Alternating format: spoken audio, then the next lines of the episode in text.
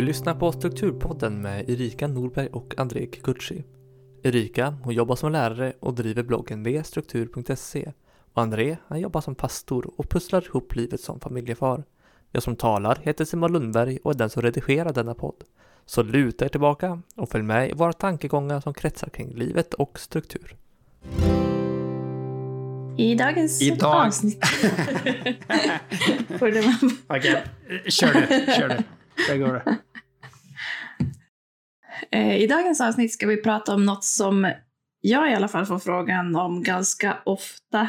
Eller det är ofta så här, folk vågar inte riktigt fråga, utan om jag undrar så här, vad, vad skulle du vilja ha mer hjälp att få struktur på? Då säger de, att det går inte ens att svara på för allt är kaos. Var börjar man när allt är kaos? Så den frågeställningen tänkte vi dyka ner lite i idag. I höstas så skickade jag en inbjudan att gilla Strukturpodden på Facebook och då fick jag till svar av en att få en sån här inbjudan. Det är som att få ett erbjudande om bantningskurs. Mm. Och så kan det ju kännas ibland och då tror jag det är ganska mycket kaos. Man kan liksom inte hantera att man ens eh, behöver lite hjälp eller lite tips kanske. Nej. Och man kanske känner att det är så mycket så jag orkar inte ta itu med någonting. Jag orkar inte få Nej. tips på hur det kan bli bättre. Man blockerar. Men det är ju bra att vi har ett ämne om det här då. Sen får vi se om just sådana personer lyssnar på det. Det vet vi inte. Men eh, ett tips, eller många tips blir det i det här avsnittet Mm. i alla fall. Ska vi börja med att definiera kaos på något sätt? Ja. Vad är, vad är kaos? Vad är kaos för dig Erika? Ja, men det kan ju vara på väldigt olika sätt egentligen. Men, men jag tänker mycket att om det känns kaos då känner man att man är överväldigad. Det är så mycket att göra. Jag vet inte vad jag ska börja med. Eller det är för mycket. Det här kommer aldrig att gå. Lite den känslan. Håller du med om det? Mm, absolut. Och jag tänker också att det är inte bara en sak då. Man kan ha, tycka man har kaos i ett projekt på jobbet. Men ofta eh, om det är riktigt kaos då påverkar det alltihop. Även hemmet och resan till och från jobbet. Och man glömmer göra saker på stan eller man missar en fika med en vän eller vad det nu är. För att allting påverkar varandra. Det är för mig är väldigt tydligt i kaostecken. Mm. Och det kan ju vara att eh, hemmet är stökigt, det är grejer överallt, man hittar ingenting. Det kan vara att det är jättemycket på jobbet, det kan vara jättemycket att ta itu med med familjen, att barnen har det jobbigt eller att eh, man ska ta hand om sina barn och sina föräldrar samtidigt. Man kanske ska flytta eller hjälpa någon att flytta. Det kan finnas många saker som påverkar varandra. Kaos behöver ju inte betyda att man har mycket att göra. En del trivs ju med mycket. Utan det är ju mer att man inte har koll på det som behöver göras. Mm. Och kanske att ingenting i slutändan blir gjort. Eller att det blir gjort på ett sätt som jag inte alls vill och är nöjd med. Det kan ju vara att man, man vet vad man borde göra också, men att man blir avbruten av andra hela tiden. Absolut. Och det vi har satt som... Ja, vi har ju några punkter kan man väl säga i dagens avsnitt. Och det vi har satt som nummer ett, det är att om möjligt stanna upp och få en överblick. Mm. Vad, vad, vad är det när du upplever att det är kaos? Vad, vad är det i din överblick som... Vad är det du ser? Mm. Har du tur där så kanske du märker att ja, men det var bara en sak. Ja. Det, det var jag behöver städa. Och har jag städat då är det inte kaos längre. Det är ju en re- relativt enkel grej. Det kan ju vara det att eh, bara köket är kaos. Och att det påverkar en så mycket. För ens omgivning påverka väldigt mycket hur man mår i övrigt. Så det kanske kan räcka med att ja, men köket känns kaos. Okej, jag plockar i och ur diskmaskin. Ja, då är det inte så mycket kaos längre. Diska resten, torka bänkarna. Och så känns det kanske ganska bra. Och man kan ju göra en lista på det man ser. Om det är köket, om vi stannar upp där, så ser man stekpannan behöver diskas. Bordet behöver torkas. Kryddorna behöver ställas tillbaka i skåpet. Och någonting mer. Gör man en lista på de fyra sakerna då kan man ju bara bocka av. Mm. Nu är det gjort. Om det inte går av rutin. Men eh, man ska inte luras av att allt går av rutin. Ibland behöver man bara stanna upp och säga ja, men det här behöver jag göra. Mm. Och har man tur då så kanske man får plats med en femte grej som man inte har gjort på väldigt lång tid. Ja. Nej, och, och forskning visar ju att det här att göra en lista är, är faktiskt väldigt, väldigt bra för att få hjärnan att slappna av. Att få ut saker ur huvudet och ner på ett papper eller i en app eller någonting istället. Då får hjärnan vila, för annars försöker den hela tiden påminna en om vad det är man ska göra.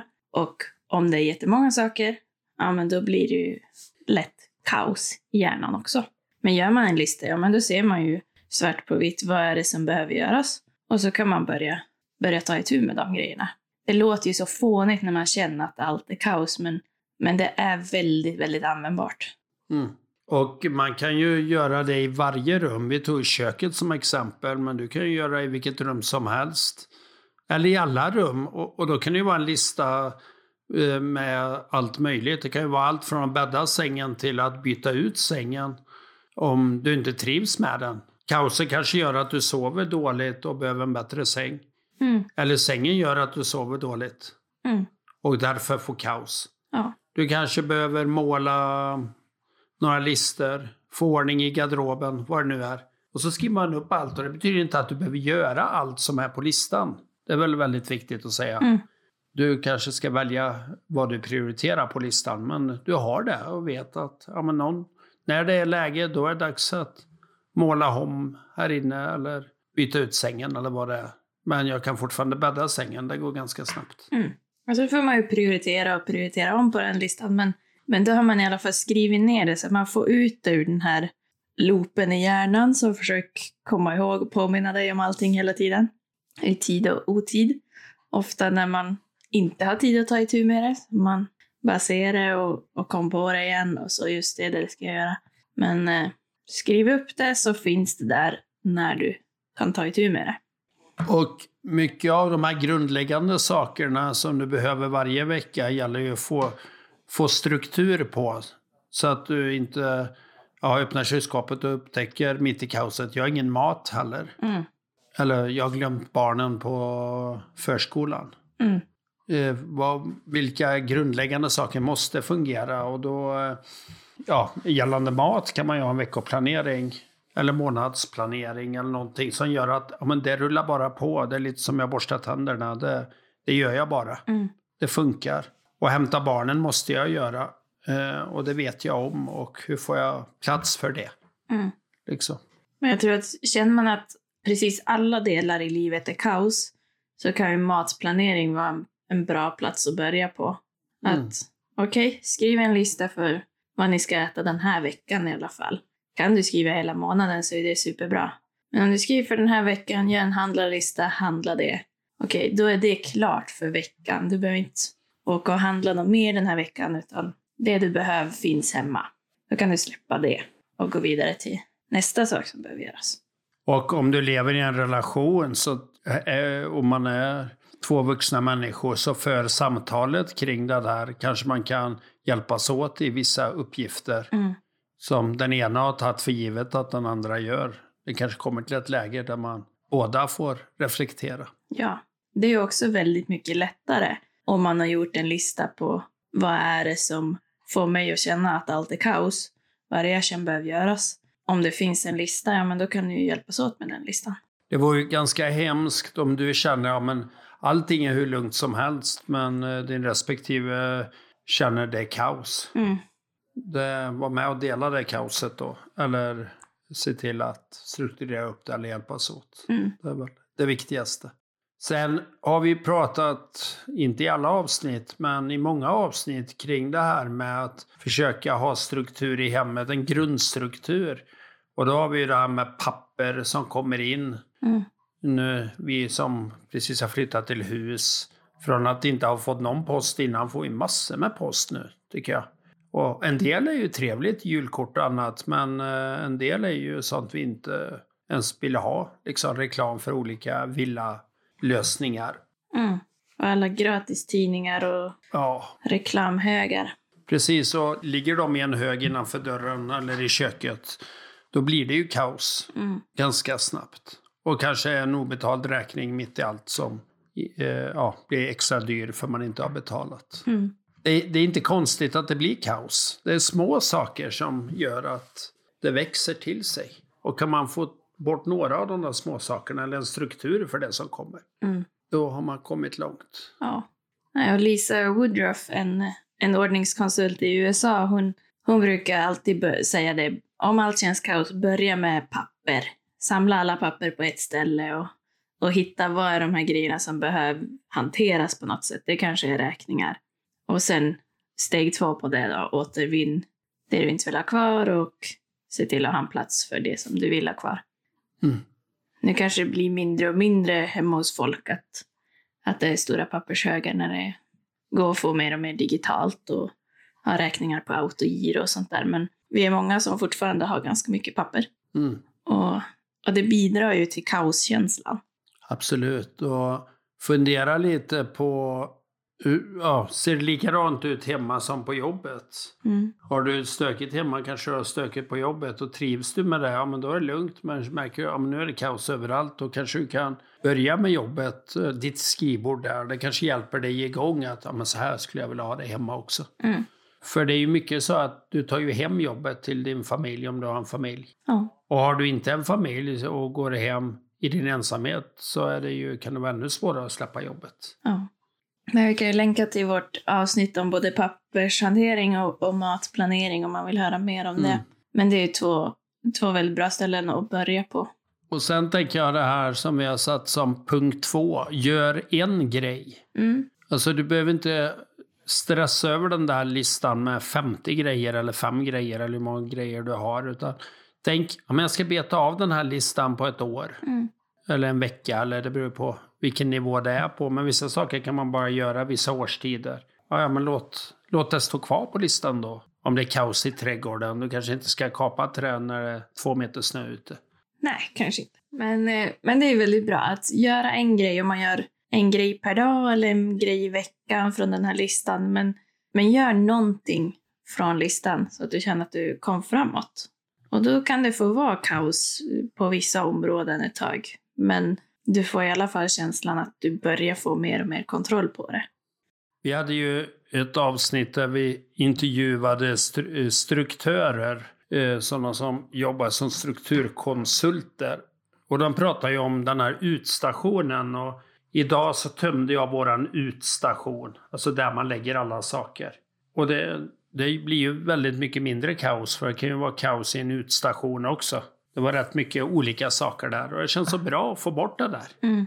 Ja, vi har ibland att vi, om det är stora kartonger och sånt, så har vi dem i, i förrådet som är ganska nära ytterdörren. Och ibland så blir det fulla förrådet där, känns det som.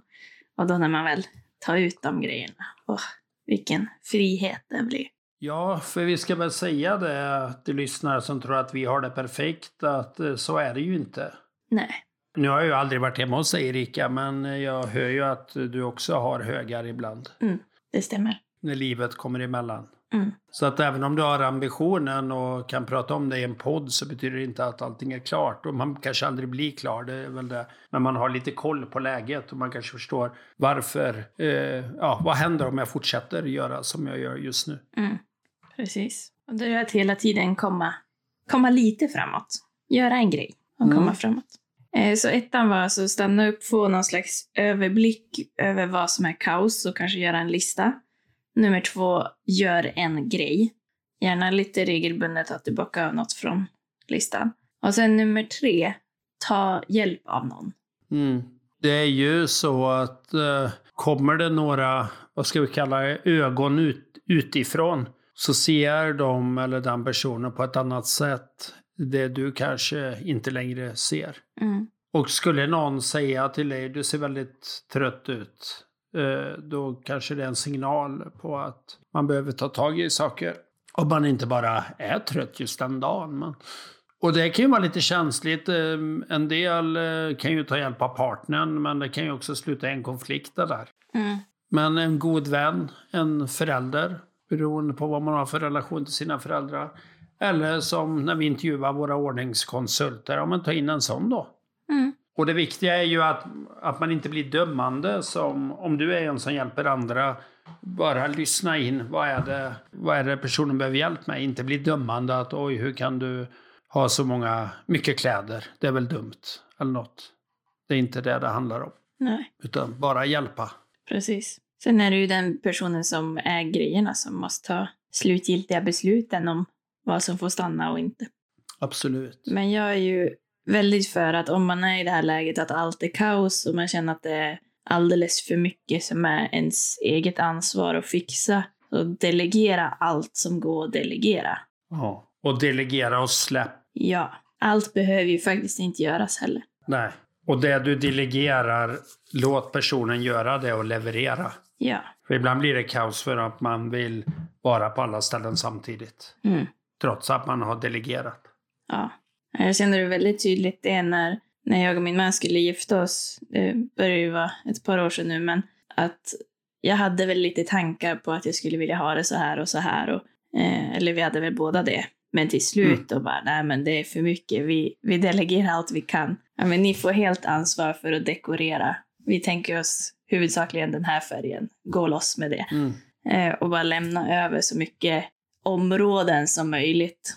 Och sen behöver man inte gå in och peta att det ska bli precis på ett visst sätt, utan har du någonting som är viktigt, säg det, men annars så, så släpp hela projektet till någon annan. Mm. Och vi gjorde likadant och det var en himla tur för att vi låg sjuka. Eh, först var vi på läger tre veckor och sen var vi sjuka en vecka. Eh, och vi hade feber ja, både dagen före och dagen efter bröllopet. Så att, eh, det, var, det var skönt att delegera till någon som, eller några som, ja, olika ansvarsbitar. Ja, Det, det går även på ett bröllop. ja, det rekommenderar jag till alla som ska gifta sig nu. Att Mm. Allt du kan släppa, släpp det till någon annan. Mm. Och lita på att de vill väl. Ja, Det är väl det som är konstigt. Och så är det ju i det här kaoset. Den som kommer in, man kan ju bli lite, få taggarna utåt och inte vilja ha hjälp. Men det kanske är hjälpen som gör att du faktiskt eh, kommer vidare. Mm. Och sen om man har ekonomin för det så kan det vara värt att investera i att, att något proffs gör det åt en. Om det är Mm. målare eller städare eller en ordningskonsult eller takläggare eller vad det kan vara. Så kan det ju faktiskt vara värt att, att spendera pengar på det för att få tid och lite mer eh, lugn och ro inombords för att det där faktiskt blir gjort och gjort bra.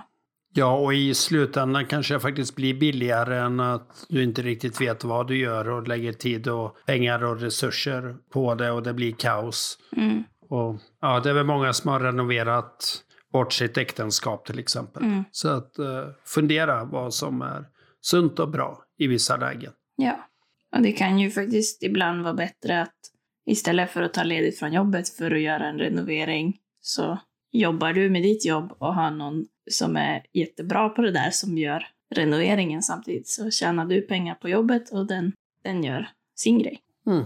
Eh, Så nummer tre var alltså att ta hjälp av någon. Nummer fyra, jag är ju en eh, människa som gillar rutiner, att det gör att man inte behöver tänka på saker så mycket. Och nummer fyra är att skaffa en genomtänkt rytm för de här sakerna som ska hända regelbundet. Så mat på fasta tider, sömn på fasta tider och sen kan man gärna handla eller beställa mat en viss dag. Kanske gå på promenader eller få in någon annan typ av träning och frisk luft på vissa dagar. Så att man har en slags rytm att falla tillbaks på. Om allt annat känns kaos, ja men de här viktiga grejerna finns ändå i mitt schema som gör att jag mår bra. Att jag får mat och sömn och, och fysisk aktivitet av något slag. Mm. Att de grejerna blir lösta så blir det mycket lättare att, att klara av de andra också. Och, de, och den där rytmen, den fungerar ju hur den ser ut. Tänker jag. Om du är lite hård mot dig själv. Okej, det är kaos, men jag behöver i alla fall sova. Mm. Jag behöver gå på en promenad varje dag. Mm. Och hitta det där att inte, ja men bara för det är kaos, då slutar jag med att sova eller handla eller äta eller träna. Mm. Jag tror att man lurar sig själv väldigt mycket på det sättet. Ja, vi har ju pratat om de här sakerna tidigare, om hur mycket till exempel sömn och träning, hur mycket det påverkar allting annat. Och får man inte sova, ja men då, då blir allt annat kaos för att hjärnan är så knasig. Mm. Eh, Så att eh, det är värt att prioritera det. Och nu kommer vi till en punkt jag sätter fram emot. Som jag, jag tror jag använder den varje dag faktiskt. Belöna dig själv. Om jag nu diskar min stekpanna, då får jag titta på mobilen. Men inte förrän det är gjort. Mm. Så ingen efterrätt förrän du har ätit upp alla dina grönsaker. Ja, precis. Men det kan man använda till allting nästan. Ja, ja men först behöver jag skaka mattan och sen göra något som är roligare. Mm. Och i, försöka tänka på det sättet. Och då, då blir det ju väldigt mycket gjort också. Mm. För när man väl sätter sig, och idag är väl det tyvärr mobilen. Förr kanske det var tvn, men jag tror att mobilen har tagit över. Och så blir man sittande i ja, en halvtimme eller en timme på någonting som, ja, man kanske tycker ger någonting. Men faktum är att kaoset fortfarande är kvar runt dig. Mm. Att det bara är för att skärma av lite, men det, det är Mm. fortfarande en bakomliggande stress kvar där. Och gör man väl det där som skaka mattan eller diska stekpannan eller Mm. plocka i diskmaskin eller vad det kan vara. Det går ju väldigt fort egentligen. Så om man har den här rutinen i sig att ja, men jag ska göra det först och sen får jag, får jag belöningen. Då tror jag att man inser hur enkelt det är att faktiskt bara göra det. Mm. Och rätt som det är så behöver du inte ens belöningen utan du gör det bara. Det är en belöning nog att det är gjort. Mm. Och man kanske behöver lite rutiner för belöning också. Mm. Att, ja men då, eh, jag behöver gå ut varje dag, men det är min belöning. Efter jag har gjort det andra till exempel. Mm. Så belöna dig själv, gör det ofta. Belöna varandra också kanske vi ska säga. Mm. Det är många som har så för sina barn att när de har gjort så här många sysslor då, då får de titta på TV eller vad det kan vara. Men det kan man göra med sig själv också. Mm, absolut. Om du lever i en relation så belöna den andra. Nu var du duktig, nu får du en kram. Mm. Ganska enkelt, men kanske betyder mer än vad man kan tro. Mm. Eller nu har du varit så duktig med det här, ska inte du sätta dig en stund och, och läsa eller vad du vill? Och så gör jag klart det här. Ja, så fyra, skaffa en genomtänkt rytm och fem, belöna dig själv. Och sexan är att göra klart någonting. Det blir lätt kaos om man startar upp en massa grejer men aldrig blir klar. Jag gillar ju verkligen att få bocka av någonting så att det, Mm. det är färdigt. Eh, och det tror jag att man tjänar ganska mycket på. Att göra klart någonting, oavsett om det är litet som att diska stekpannan eller om det är rensa ut garderoben. Så gör klart någonting. Så tror jag att du känner att du har mer kontroll. Och klart är eh, då att tömma utstationen också. Mm. Så att du inte till exempel nu när jag har fyllt bilen med elsladdar och annat jag har hittat i mitt hem. Eh, då, det är ju inte klart förrän de elsladdarna ligger på återvinningen. Nej, precis. Då är projektet klart. Så man inte. Ja, men jag lägger dem i en hög här. Mm. Och så tror man att man är klart bara för att man har tagit ner dem från en vägg. Ja. Eller tagit ut dem från ett förråd och lagt dem i en annan hög. Mm. Så töm utstationen och sen bocka av. Mm. Sen kan man ju dela upp det i delmål om man vill. Att steg ett är att gå igenom kablarna, vilka som ska vara kvar. Steg två, bär ut dem till bilen. Steg tre, ta till återvinning. Om man vill eh, få bocka av många gånger. Absolut. Och vi har eh, en, en perm med listor på saker som eh, vi ska göra. Och så säger vi, ja men nu har jag gjort det, bocka av. Och så säger någon, ja men det står inte på listan. Då skriver vi upp det också. Så blir det som en belöning. För det är roligt att skriva upp och sen bocka av. Mm. Och har man hus så kan vissa, eh, vissa saker bli en investering som om man funderar på att sälja någon gång så kan det vara bra att skriva in vilket år gjordes vad. Så att det kan finnas sådana fördelar också. Men annars, det mesta är ju till en själv. Mm. Ja, men flytta inte bara runt saker utan gör klart det, få ut det. Mm. Och sen det här vi återkommer till många gånger. Försök att minska mängden saker, prylar du har hemma. Mm. Vad händer om du tar bort några av barnens leksaker? Eller några saker från varje rum? Ja. Skulle du sakna sakerna? Skulle de komma till användning? Eller välsigna ett annat hem som vi säger ibland. Och framförallt, vad gör det med ditt eget kaos? Mm. Tänk om man halverar ett kaos på leksaker bara för man har tagit bort hälften. Ja. Vi hade någon leksak hemma som vi hade fått. Som i och för sig var ganska rolig. Men det var så himla många delar på dem och barnen lekte inte på det sätt som var tänkt med den. Utan de använde delarna till massa andra saker. Och till slut tog vi bort hela, hela den saken och då försvann ju alla delar. Och barnen saknar ju inte det Nej. på något sätt. Men det blir väldigt mycket mindre saker hemma. Mm. Och det tror jag att barn även ganska tidigt kan vara med och, och sortera lite. Vilka är deras favoritsaker? Och kanske till och med kan tänka att vilka av de här sakerna skulle jag vilja ge bort till någon annan? Så att man kan, man kan testa det också. Sen hörde jag några, på tal om det här med att belöna sig själv, att, att de hade en, en låda på vinden med, med leksaker och så hade de ganska få leksaker igång i barnens rum just nu. Och när barnet hade gjort ett antal duktiga saker i hemmet så, så fick den följa med upp på vinden, välja en leksak ur lådan och, och ta med den ner. Och så tror jag att de la undan någon annan leksak istället. Då. Eh, Så att man behöver inte ha alla leksaker i omlopp hela tiden. Det är väldigt smart. Mm. Det är bra. Fundera på vad som passar dig, men minska sakerna, det gör att det blir färre saker i vilket fall. Mycket lättare att hålla ordning och mycket mindre kaoskänsla. En annan sak som har slått mig nu när, jag, när vi har skaffat hus, har lite fler rum och har lite mer sådana här eh, ja, men förrådsutrymmen och ja, större rum framför allt. Det är ju att eh, det är inte säkert vi använder alla rum som vi faktiskt har. Mm. Det är rätt lätt att Ja, men vi har ett väldigt stort sovrum till exempel. Och det är lätt att tänka att om men i sovrummet har jag sängen.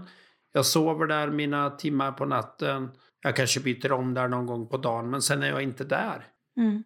Men eh, halva golvet är egentligen en väldigt bra lekyta. Så nu när vi satte in julgran så fick vi flytta in några fåtöljer i sovrummet och märkte att ja, men här blir ju en bra läshörna plötsligt. Ja. Så att, och du kanske har ett stort förråd som är fyllt från golv till tak med saker du aldrig använder och så tycker du att du bor trångt, till exempel. Mm. Eller att fler och fler rum blir förråd i praktiken. Mm. Och sådana här garderober med överskåp och så vet man inte vad man har i överskåpen och så är det rätt många kvadratmeter med yta som man skulle kunna använda till mycket bättre. Ja. Så använd alla rum du har genomtänkt. Du kanske vill ha det. Jag vill ha ett förråd här. Ja, men ha det då. Det, det är inget problem med det, men se till att du har koll på det och utnyttja rummen och tänk om lite hur man kan använda ett rum. Mm. De som bor sån här compact living mycket mer, eller ni som är husvagnsbarn och liknande. Alltså man, man är ju van vid att göra om saker som, eh, så att det blir praktiskt för stunden. Mm. Och det gör man ju väldigt sällan i sitt hem om man bor ganska stort. Mm. Men eh, det går nog att tänka om. Det finns många sådana videor på sociala medier om folk som ja, gör om ett, en byrå till ett bord, till en stol och ja, vad de nu gör. Liksom. Och om man eh, fördelar ut grejer på, på lite fler ställen och använder lite fler ställen, då behöver det inte vara fullproppat och svårt att hitta grejer. Utan man kan ha, ja men här har jag en hylla där jag bara har sådana här grejer. Och så blir det lite lättare att hitta, lättare att hålla ordning. Mm, Och så köper man inte på sig nya grejer av det som man redan har, som man inte hittar.